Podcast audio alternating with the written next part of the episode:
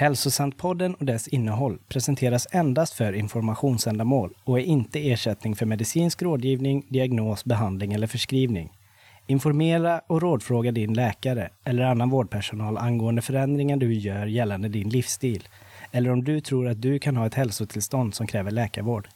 Ignorera inte medicinska råd eller senare lägg läkarbesök på grund av något du hört i eller läst relaterat till Hälsosantpodden. Idag lever nästan alla människor med minst ett, ofta flera kroniska symptom, oavsett om det handlar om depression, ångest, migrän, magproblem, utmattning, smärta, endometrios, ADHD, någon autoimmun sjukdom eller något annat kroniskt symptom. Hur har det blivit så här? Varför blir vi sjukare och sjukare i en värld som verkar göra stormsteg i utvecklingen på andra områden? Varför normaliseras våra symptom och brist på lösningar när det är något allvarligt fel som fått oss hit? Söker du efter svar på dina hälsoproblem? Har du varit överallt, testat allting men inte blivit bättre? Oavsett hur ensamt det känns stundtals när du kämpat för att bli hörd och förstådd så finns det svar idag. Följ med när vi djupdyker i Anthony William Medical Mediums information som kommit att älskas av miljoner människor världen över. Vår hälsa är grundläggande. Det är din födslorätt att få leva ett friskt och bra liv. Jag och hundratusentals med mig har fått våra liv tillbaka och behöver inte söka mer. Jag heter Carolina Johansson, är utbildad sjuksköterska och näringsterapeut och jag vill önska dig, oavsett om du är en van MM-följare eller helt ny, varmt, varmt välkommen hit.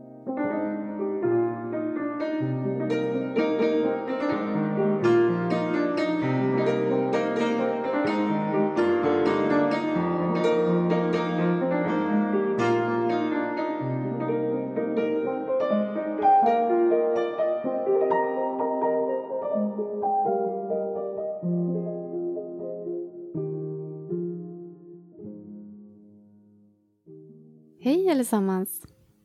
Två saker innan vi drar igång med eh, dagens avsnitt. Första är att jag tänkte att vi ska ha ett eh, frågeavsnitt. Jag får väldigt många frågor på mail. Många är väldigt likartade och jag vill väldigt gärna svara alla. Men jag tror att det blir lättare att göra det samlat i, i ett avsnitt. För på så sätt så ger det ju andra också svar som kanske sitter med samma frågor. Så mm, jag tänker att vi testar Fungerar det bra så kan vi ha lite löpande sådana här avsnitt. Men har du också någon fråga? Kanske något specifikt vi tagit upp i podden som du undrar över, som du vill att jag förtydligar? Eh, eller något allmänt om informationen? Så skriv till mig på hej karolinajohansson.se Då är det karolina med C. Eller skriv på Instagram eller Facebook. Så ska jag göra mitt bästa för att svara på dem i ett kommande avsnitt. Och frågorna kommer att vara anonyma sen i avsnittet.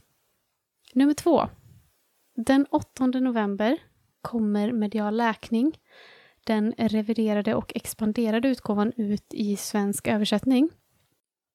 Det är alltså den första boken som har blivit två böcker kan man säga. Boken som startade allt för några år sedan. Som har fått miljontals människor världen över att få hjälp med sina problem.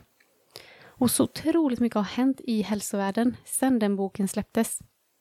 Anthony uppdaterade den förra året, la till en hel bok och mängder av fantastiska recept i färg. Så även om du har den gamla boken så kommer du vilja ha den här, för det är så mycket ny information i den. Han delar information om covid, långvarig covid, uppdaterade tillskottslistor, massa recept till 28 dagars kuren och mer tekniker för själsläkning och fler änglar. Den 8 november släpps den för Livsenergis medlemmar. Det är en bokklubb och det kan vara en bra idé att bli medlem där om du inte redan är det.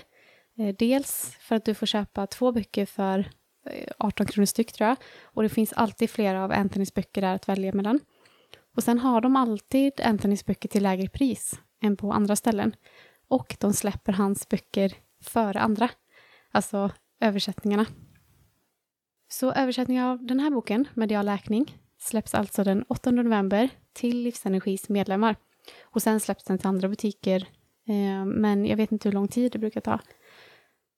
I alla fall, jag lottar ut fem av de här böckerna Och det du behöver göra för att vara med, det är att dela något eh, inlägg av Hälsosamt-podden på Facebook eller Instagram. Och jag ser inte om du inte taggar mig eller om du har stängt konto. Så i så fall så printscreena och skicka till mig så skriver jag upp dig på utlottningslistan. Och vinnarna dras i slutet av oktober. Men det var det. Eh, nej, en tredje grej. En viktig grej. Om ni mot förmodan har missat att Anthony precis släppt två nya böcker om hjärnan, eh, ja då kan jag ju säga att han har gjort det precis. Det är Brainsaver och Brainsaver Protocols, Cleanses and Recipes. De finns än så länge endast på engelska, men kommer på svenska till våren. Om du har möjlighet att läsa de här på engelska, eh, alltså beställ dem. Jag har inte ord. Jag, jag vet inte hur jag ska förklara de här böckerna. Alltså informationen i dem, den är så... Eh, alltså jag har inte ord, alltså jag försöker smälta och ta in det fortfarande. Jag kan bryta ner bokens uppbyggnad i senare avsnitt om du vill, så som jag gjort med de tidigare böckerna. Men du kommer vilja ha de här böckerna. Det är helt otroligt om vad som sker i vår hjärna, hur den fungerar, hur vi kan hjälpa den, som mental hälsa, alltså allt. Det är uppdaterade protokoll, det är över hundra recept, det är fler chockterapier och det är 30 stycken shot-terapier. Det är uppdateringar av tungmetallsdetoxen och massa, massa, massa, massa annat. Har du möjlighet, alltså, du kommer inte att bli besviken. Men nu, det var det. Nu ska vi köra igång. För idag så ska vi prata om neurologisk utmattning. Och det har ju med hjärnan och nervsystemet att göra, så även det tar de nya böckerna upp. Men det gör ju alla böckerna. Många, många, många människor lever och har levt under många år med en trötthet som de inte får några svar på eller någon hjälp med. Under många decennier så levde kvinnor med att inte bli trodda. Man sa att de var lata eller att de hittade på. Gick man till läkaren runt 50-talet när kvinnor för första gången i historien började gå till läkaren med sådana här symptom så kunde man få höra att man ljög, var galen eller manipulativ. Om man var rik kunde man dock istället höra att man var uttråkad. Och det var framförallt kvinnor som drabbades tidigare, även nu, men fler och fler män får nu samma problem. Och anledningen till det, att det är flest kvinnor, det kan ni lyssna mer om i avsnittet om kvinnohälsa. Och det är fortfarande väldigt svårt att få en diagnos många gånger, eller att ens bli hörd. Men nu, i alla fall mer än förr, har man inom medicinen erkänt de här kvinnorna. Det sitter inte alls i deras huvuden längre. Tillståndet existerar. Något sker faktiskt i kroppen. Men under alla de här åren har man inte kommit längre än så. Man har inte tagit reda på vad det är som händer i kroppen. Man har däremot gett det många olika namn. Och några av de här namnen är kroniskt trötthetssyndrom, ME, CFS, CFIDS eller SIID. Och i grunden så beror alla de här på samma sak. Och idag ska vi prata om vad som faktiskt sker i kroppen. Varför MM benämner de här tillstånden som neurologisk utmattning och vad han rekommenderar att göra för att bli fri. Men jag tänkte vi skulle börja med att prata om olika symptom på neurologisk utmattning och skillnaden på den här utmattningen och till exempel binjureutmattning eller vanlig trötthet. Neurologisk utmattning, oavsett vilket namn man fått på den eller inte fått på den, det kan som sagt vara väldigt svårt att få den diagnostiserad. Den går liksom inte bara att sova bort. Många som inte upplevt den här tröttheten förstår inte varför personen inte bara kan rycka upp sig eller sova lite mer och sedan må bra. En person som har neurologisk utmattning han kan sova hela dagen men ändå inte vara utvilad. Eller så kan han eller hon vara jättetrött men inte kunna sova. Det är även skillnad på neurologisk utmattning och binjureutmattning. Binjureutmattning gick vi igenom i ett tidigare avsnitt och det kan vara lite svårt att skilja de här åt. Vanligtvis, om vi generaliserar lite, så är binjureutmattning ofta så att den går upp och ner. Så du kan ha olika energi, olika tider på dagen eller kvällen. Det går upp och ner. Kanske är du trött hela dagen på jobbet, men när du kommer hem så blir du pigg och får energi. Medan med neurologisk utmattning är du oftast konstant trött. Men det här är dock inte hela sanningen. Det kan variera för någon med neurologisk utmattning också. Och jag kommer tillbaka till den här punkten lite senare. Och Man kan även ha binjurutmattning och neurologisk utmattning samtidigt, vilket kan göra det lite klurigt också att veta vad som är vad. Men binjurutmattning är kopplat till det endokrina systemet och neurologisk utmattning, som namnet säger, är kopplat till nervsystemet. Och ofta, beroende på hur allvarlig utmattningen är, kan man ändå fungera någorlunda om man har en binjurutmattning. Men neurologisk utmattning, också beroende på hur allvarlig, då kan du bli helt utslagen. Alltså din förmåga att fungera normalt i ett samhälle försvinner. Vid neurologisk utmattning kan binjurarna fungera bra, men man kan ändå inte ta sig upp ur sängen. Binjurutmattning händer inte heller på en dag.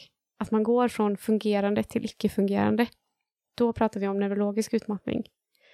Men kom ihåg, man kan ha båda sorterna samtidigt.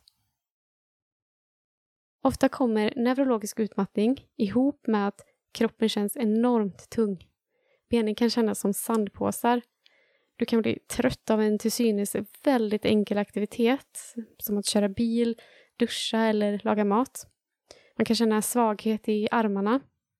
Du kan ha hjärndimma och förvirring plus massa andra neurologiska symptom samtidigt, som koncentrationssvårigheter, minnesförlust, ångest, muskelsvaghet, kramper, spasmer, stickningar och domningar i kroppen, känselbortfall i armar och ben och oförklarlig hjärtklappning. Har man väldigt allvarlig neurologisk utmattning kan det kännas som att man kan inte ta sig ur sängen om det så gäller livet. Den här utmattningen kommer väldigt ofta med känslor av skuld och skam och enorm isolering. Och det här tillståndet möts ofta av väldigt lite förståelse, både inom vården men kanske även bland familj och vänner. För att ingen förstår vad man går igenom. Och ofta får de här människorna höra Men du ser ju ut att må bra. Det här tillståndet kan drabba alla åldrar idag. Och tänk dig, eller så är du redan väldigt bekant med hur det är, att som 20-åring drabbas av neurologisk utmattning, att inte kunna vara med på alla aktiviteter, hänga med kompisar eller ens gå klart skolan. Eller som nybliven mamma inte orkat ta hand om sina barn. Eller som pensionär, när man ska njuta av livet, inte kunna det. För att man inte orkar lämna sängen, än mindre huset. Och det här kan ske på så lite som en dag. Man fungerar som vanligt, tills en dag då man inte längre gör det och inte kommer upp ur sängen. Även om det finns olika etiketter eller namn idag och även om man tar kvinnorna mer seriöst nu än tidigare och erkänner att det finns problem så är det långt, långt ifrån bra. Fortfarande idag är det svårt att bli hörd, tagen på allvar och få en diagnos. Och det är i stort sett omöjligt att få rätt diagnos och rätt hjälp för att komma ur det. MM skriver i Läk med detox, sidan 463. När en kvinna blir sjuk ändras allt. Varje dag insjuknar kvinnor i kroniska problem som utmattning, sköldkörtelsjukdomar, PCOS, fibroider, endometrios, migrän, håravfall, ångest, depression, eksem och psoriasis. Och samtidigt som de förlorar sin hälsa blir de också av med sina rättigheter. Första etappen på resan handlar om att lära sig om hur vårdapparaten fungerar. Kvinnor lär sig snabbt att systemet inte är upprättat för att vägleda till läkning från kronisk sjukdom. Om man inte själv har ett problem är det lätt att acceptera att det är så det är. Men om man är den som får gå från läkare till läkare, bli undersökt gång på gång och få höra att det finns inget att göra, kanske utan att ens få någon diagnos, och att man helt enkelt får acceptera bristen på meningsfulla svar, då ser man tydligt vilka begränsningar det finns i det rådande sättet att bemöta kronisk sjukdom. Och den verkligheten lever miljontals kvinnor med dagligen. Slut på citat. Så ofta får personer höra som lider av neurologisk utmattning, antingen från familj eller vänner, men även vården, att de behöver bara göra si eller så för att må bättre. Du behöver rutin, du är deprimerad, du behöver prata med någon, du behöver sova och så vidare och så vidare och så vidare. Det de här människorna behöver, men sällan eller aldrig får, är svar. Svar på varför de inte mår bra, vad som hänt i deras kropp och vad de behöver göra för att bli bra. De behöver också validering, att det inte är något fel på dem som person, deras viljestyrka eller mentala status. De behöver höra att de inte är bristfälliga på något sätt. Tvärtom är det en fysisk orsak som ligger bakom deras problem. Och det ska vi gå in på nu. För att neurologisk utmattning ska kunna ske behövs två saker vara närvarande i kroppen. Det är virus och det är tungmetaller. Framför allt Epstein-Barr-viruset, EBV, i fas 4, men det kan också vara andra virus i herpesfamiljen, som till exempel bältros. Tungmetaller, som vi pratat om i tidigare avsnitt, utgör föda åt virus som sedan utsöndrar de här tungmetallerna som ännu farligare nervgifter som inflammerar hjärnan och nerverna. Alltså det är virala nervgifter som ger sig på nervsystemet vilket gör att nervsystemet blir känsligt och får allergiska reaktioner mot de här gifterna vilket ger mild till svår inflammation av nerverna. Och neurologisk utmattning kan vara en del i många EBV-relaterade besvär, allt från milda till extrema problem. Så nervsystemet sväller alltså upp till följd av de här nervgifterna, eller neurotoxinerna, som utsöndras av virus i herpesfamiljen, bland annat EBV och bältros. Och vi har gått igenom EBVs olika faser mer noggrant i avsnittet som heter De fyra skoningslösa. Men vi tar lite igen. EBV har alltså fyra olika faser, eller stadier. Och det första stadiet är när någon blir smittad med EBV. Och det här märker man många gånger inte av. För då flyter bara EBV runt i blodet och förökar sig, men gör inte så mycket skada. Den väntar på perfekta tillfället att ge sig på kroppen och skapa en mer direkt infektion. Och när vi blir kanske lite slutkörda, har tagit ut oss mer än vanligt, varit väldigt stressade eh, eller upplevt någon annan utlösande faktor som sänker vårt immunförsvar, vilket du kan lyssna på mer om i avsnittet om utlösande faktorer, så tar EBV sin chans och går in i sin andra fas. Och detta känner vi till som mononukleos, körtelfeber eller kyssjukan. Och det här leder ofta, men inte alltid, till symptom som man tydligt känner av. Immunförsvaret jobbar hårt med att få bort den här inkräktaren, som den nu har upptäckt. Och det är även nu som viruset är som mest smittsamt, varför det inte är bra att vistas runt andra människor när man har symptom. Det kluriga är att i den här fasen, vilket MM kallar för det största misstaget i medicinsk historia, är att när vi känner oss friska från körtelfebern, när våra symptom börjar avta, är det bara början för många som lider av kronisk sjukdom och autoimmunitet idag. Det som sker i den här fasen är nämligen att EBV inte alls blivit avdödat många gånger, utan letar rätt på ett nytt hem. För att det kan inte stanna i blodet där det ständigt är under attack. Och ofta väljer den levern och mjälten som boplats. Där finns det massa gifter och tungmetaller för den att äta eftersom levern är vårt filter för allt som kommer in i kroppen. Även fortplantningsorganen är ett favoritställe. Och det här betyder att viruset fortsätter att ställa till med skada i kroppen men ingen vet att den är där. Inga prover i blodet visar på en aktiv infektion eftersom att EBV inte är i blodet längre. Ibland kan prover visa på en utläkt infektion, att man hittar antikroppar mot EBV och det tolkar man inom vården som att man inte har en infektion längre. Dock ska man komma ihåg att det finns många mutationer idag av EBV och mycket saker avgör vad ett blodprov visar.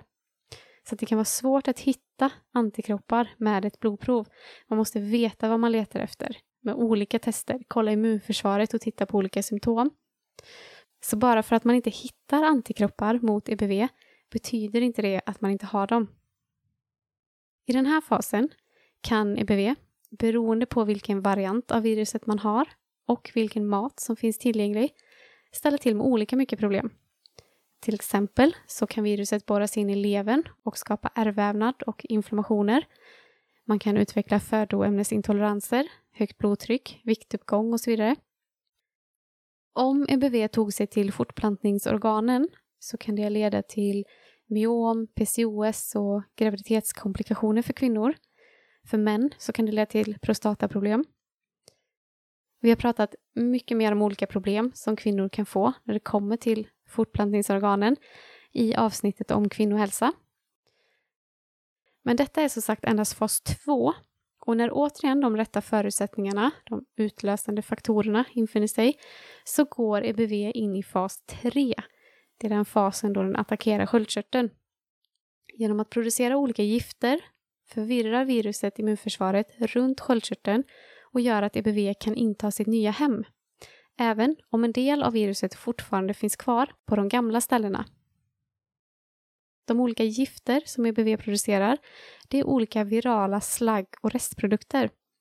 När viruset äter föda, som ägg, gluten, mejeri och så vidare, men även tungmetaller och andra gifter som den har stor tillgång till i vår kropp, så bildas ett avfall som är giftigare än det var i utgångsläget, alltså innan EBV hade ätit av det.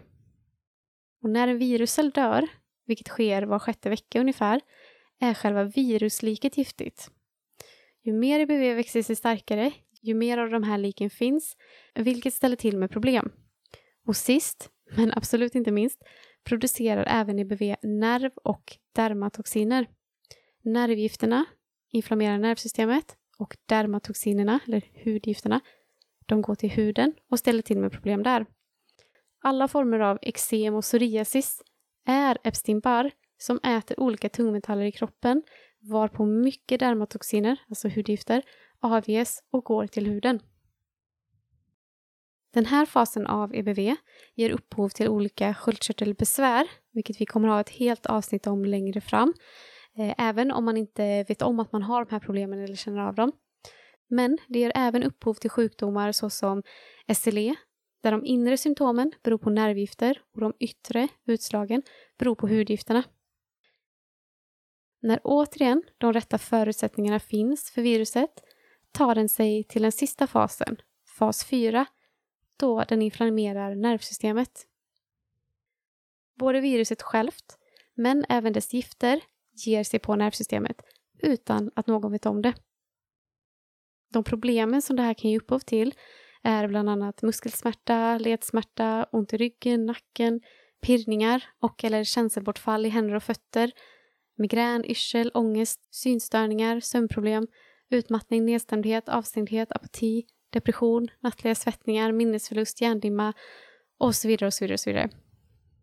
Och lägger ni märke till en sak? En del av de här symptomen samlar man ihop och sätter namn på. Det kan vara MS, fibromyalgi, reumatism, SLE som vi nyss sa och ja, kroniskt trötthetssyndrom. När alla de här beror på en och samma sak, nämligen Epstein-Barr i fas 4.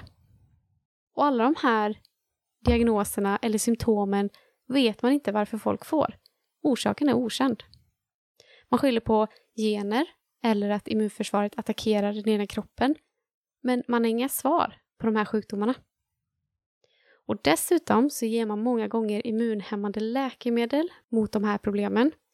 Vilket, när man förstår den här verkliga orsaken bakom dem, blir väldigt konstigt. För ett, de här läkemedlen utgör bränsle för viruset och två, som namnet antyder, hämmar de här läkemedlen immunförsvaret. Immunförsvaret är vårt bästa försvar mot det som invaderat oss. De här olika faserna kan ta olika tid att utveckla.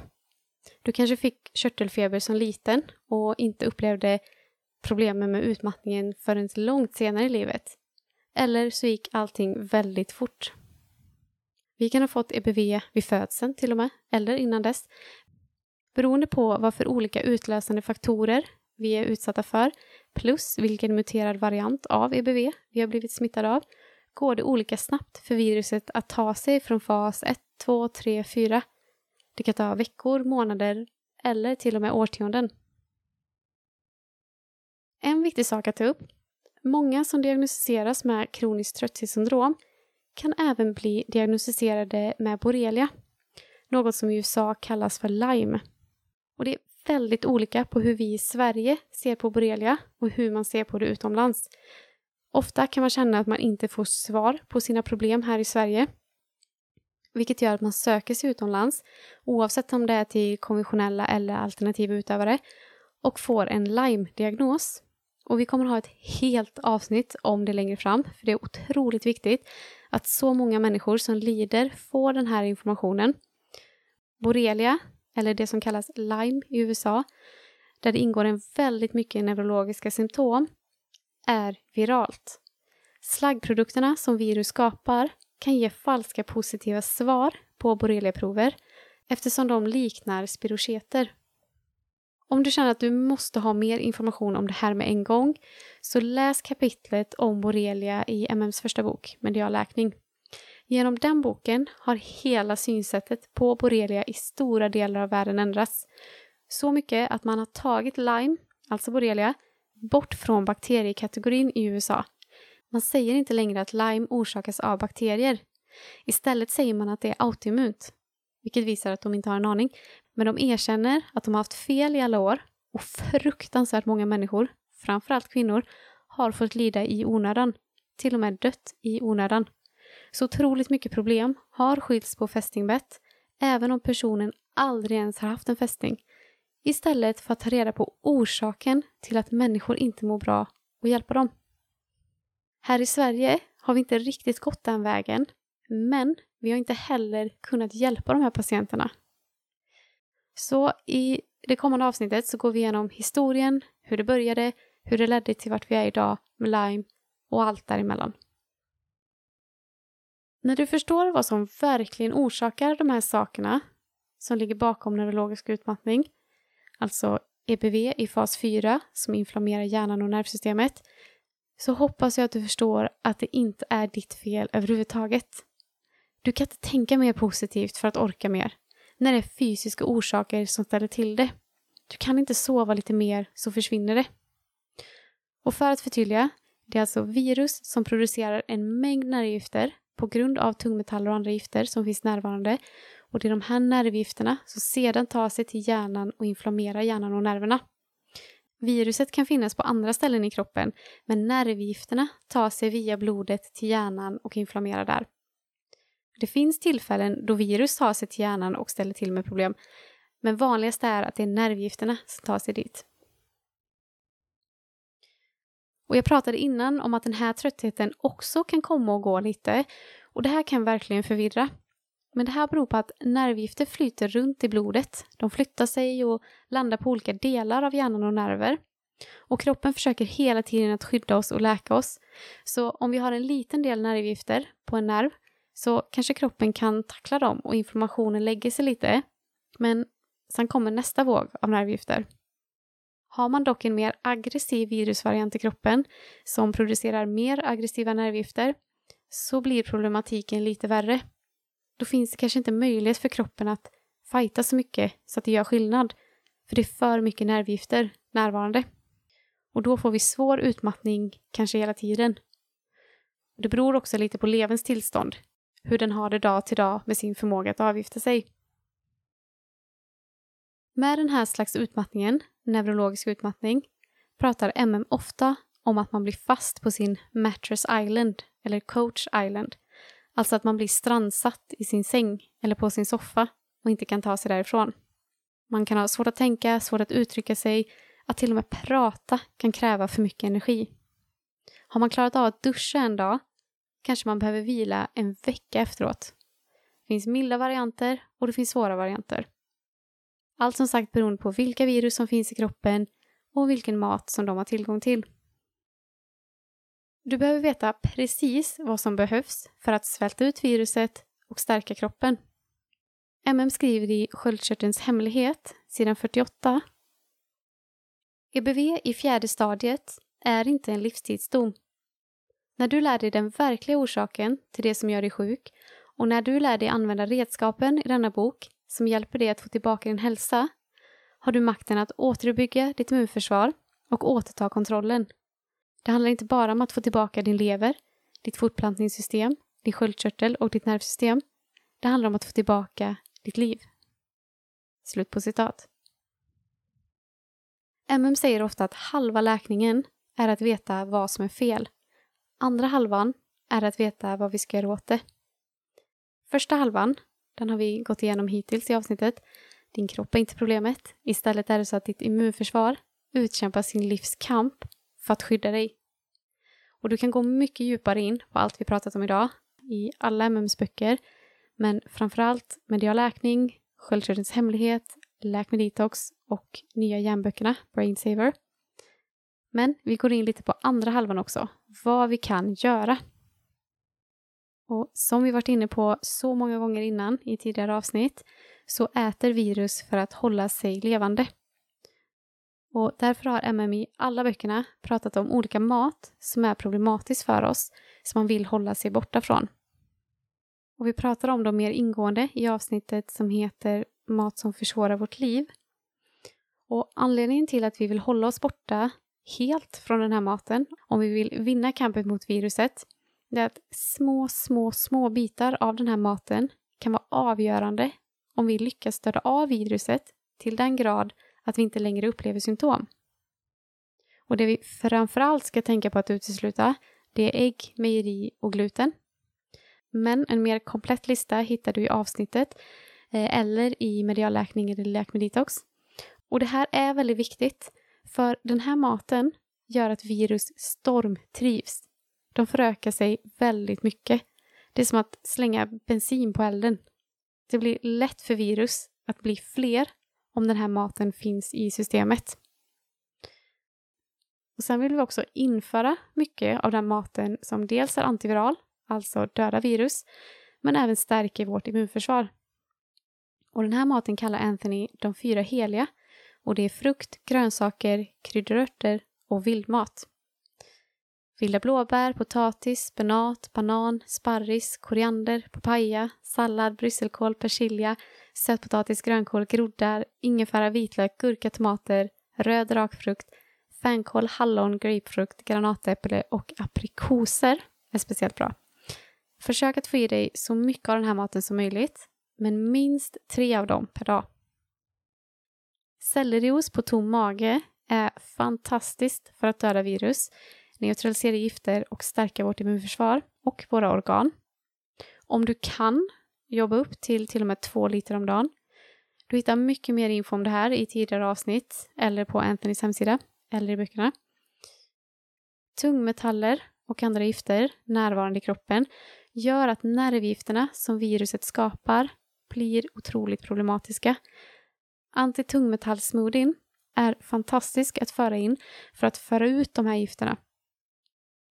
Att minska ner fettet som man äter eh, och att ta bort det helt om möjligt på förmiddagen är väldigt viktigt för att kroppen ska ha möjlighet att detoxa tillräckligt. Anthony har även en lista på olika tillskott som är väldigt bra att ta för att hjälpa kroppen lite mer på vägen. Och där är hans grundtillskott som rekommenderas plus många mer för att man ska kunna ta sig hela vägen fram om man behöver. Du hittar dem framför allt i Läk med Detox, i nya Medial läkning-boken och i Brainsaver-boken. Och i Brainsaver där du även hittar olika shottar, en speciell ny shot-terapi med näring som hjälper och stärker. Och du kan alltid jobba med symptom för symptom, för ofta så har man fler symptom än bara trötthet och man hittar dem i böckerna. Så börja vad som är viktigast för dig och jobba med det just nu och sen lägg till mer och mer om du behöver. Så det här avsnittet har varit en liten sammanställning kan man säga om många olika saker som alla går att gå djupare in i. Så alltså, gå gärna djupare in i varje del, oavsett om det handlar om den virala biten, tungmetallbiten, tillskottsbiten, förstå symptom bättre och så vidare. Allt finns där. Så bli din egen, din vän eller din patients expert. För det är precis därför som informationen finns här. Anthony säger hela tiden att vi behöver bli våra egna experter. Neurologisk utmattning har som sagt drabbat kvinnor och en del män i över 70 år. Och varken den konventionella medicinen eller alternativmedicinen vet vad det är som sker. De kommer att säga att det är utmattning från en sköldkörtel som inte fungerar som det ska, neurologisk borrelia, binjurar som är utmattade eller långtidscovid. Och det var alltså i MMs första bok, Medial läkning, som kom ut 2015 tror jag, som han berättade om neurologisk utmattning. Och sedan dess har en enorm mängd människor använt sig av hans information för att ta sig tillbaka. Och jag vill avsluta det här avsnittet med att läsa några ord från den uppdaterade utgåvan av boken. Och innan dess så vill jag önska dig allt gott tills vi hörs nästa gång. Och det är från sidan 53 jag läser om du vill hänga med. Och jag har översatt fritt från den engelska boken. Eftersom den är väldigt lätt att bli smittad av och svår att upptäcka och kan orsaka ett antal mystiska symptom kan du nog förståeligt nog tycka att Epstein-Barr-viruset är överväldigande och dess effekter nedslående. Den goda nyheten är att om du noggrant och tålmodigt följer stegen som beskrivs i det här avsnittet och del 4 av boken kan du läka. Du kan återställa ditt immunförsvar, befria dig från EBV, föryngra din kropp, få full kontroll över din hälsa och gå vidare med ditt liv. Kom ihåg att Medical Medium är inte bara ett program. Det är därför miljoner runt om i världen redan har fått tillbaka sina liv. Det finns inget sånt som “jag provade Medical Medium och det funkar inte för mig”. Fler människor har återhämtat sig med bokserien Medial läkning och informationen än från någon annanstans i vår tid. Så resultaten finns inne. Det finns en meritlista av den här informationen som förändrar liv. Om du är helt ny till det här, var medveten om denna meritlista. Om du lägger engagemang, tid och ansträngning på att läsa böckerna och förstå de olika protokollen har du möjligheten att anpassa ditt eget personliga protokoll inom denna information så att du kan gå så långt du behöver. Jag tror på dig. Med kunskapen och kraften vet jag att du kan läka.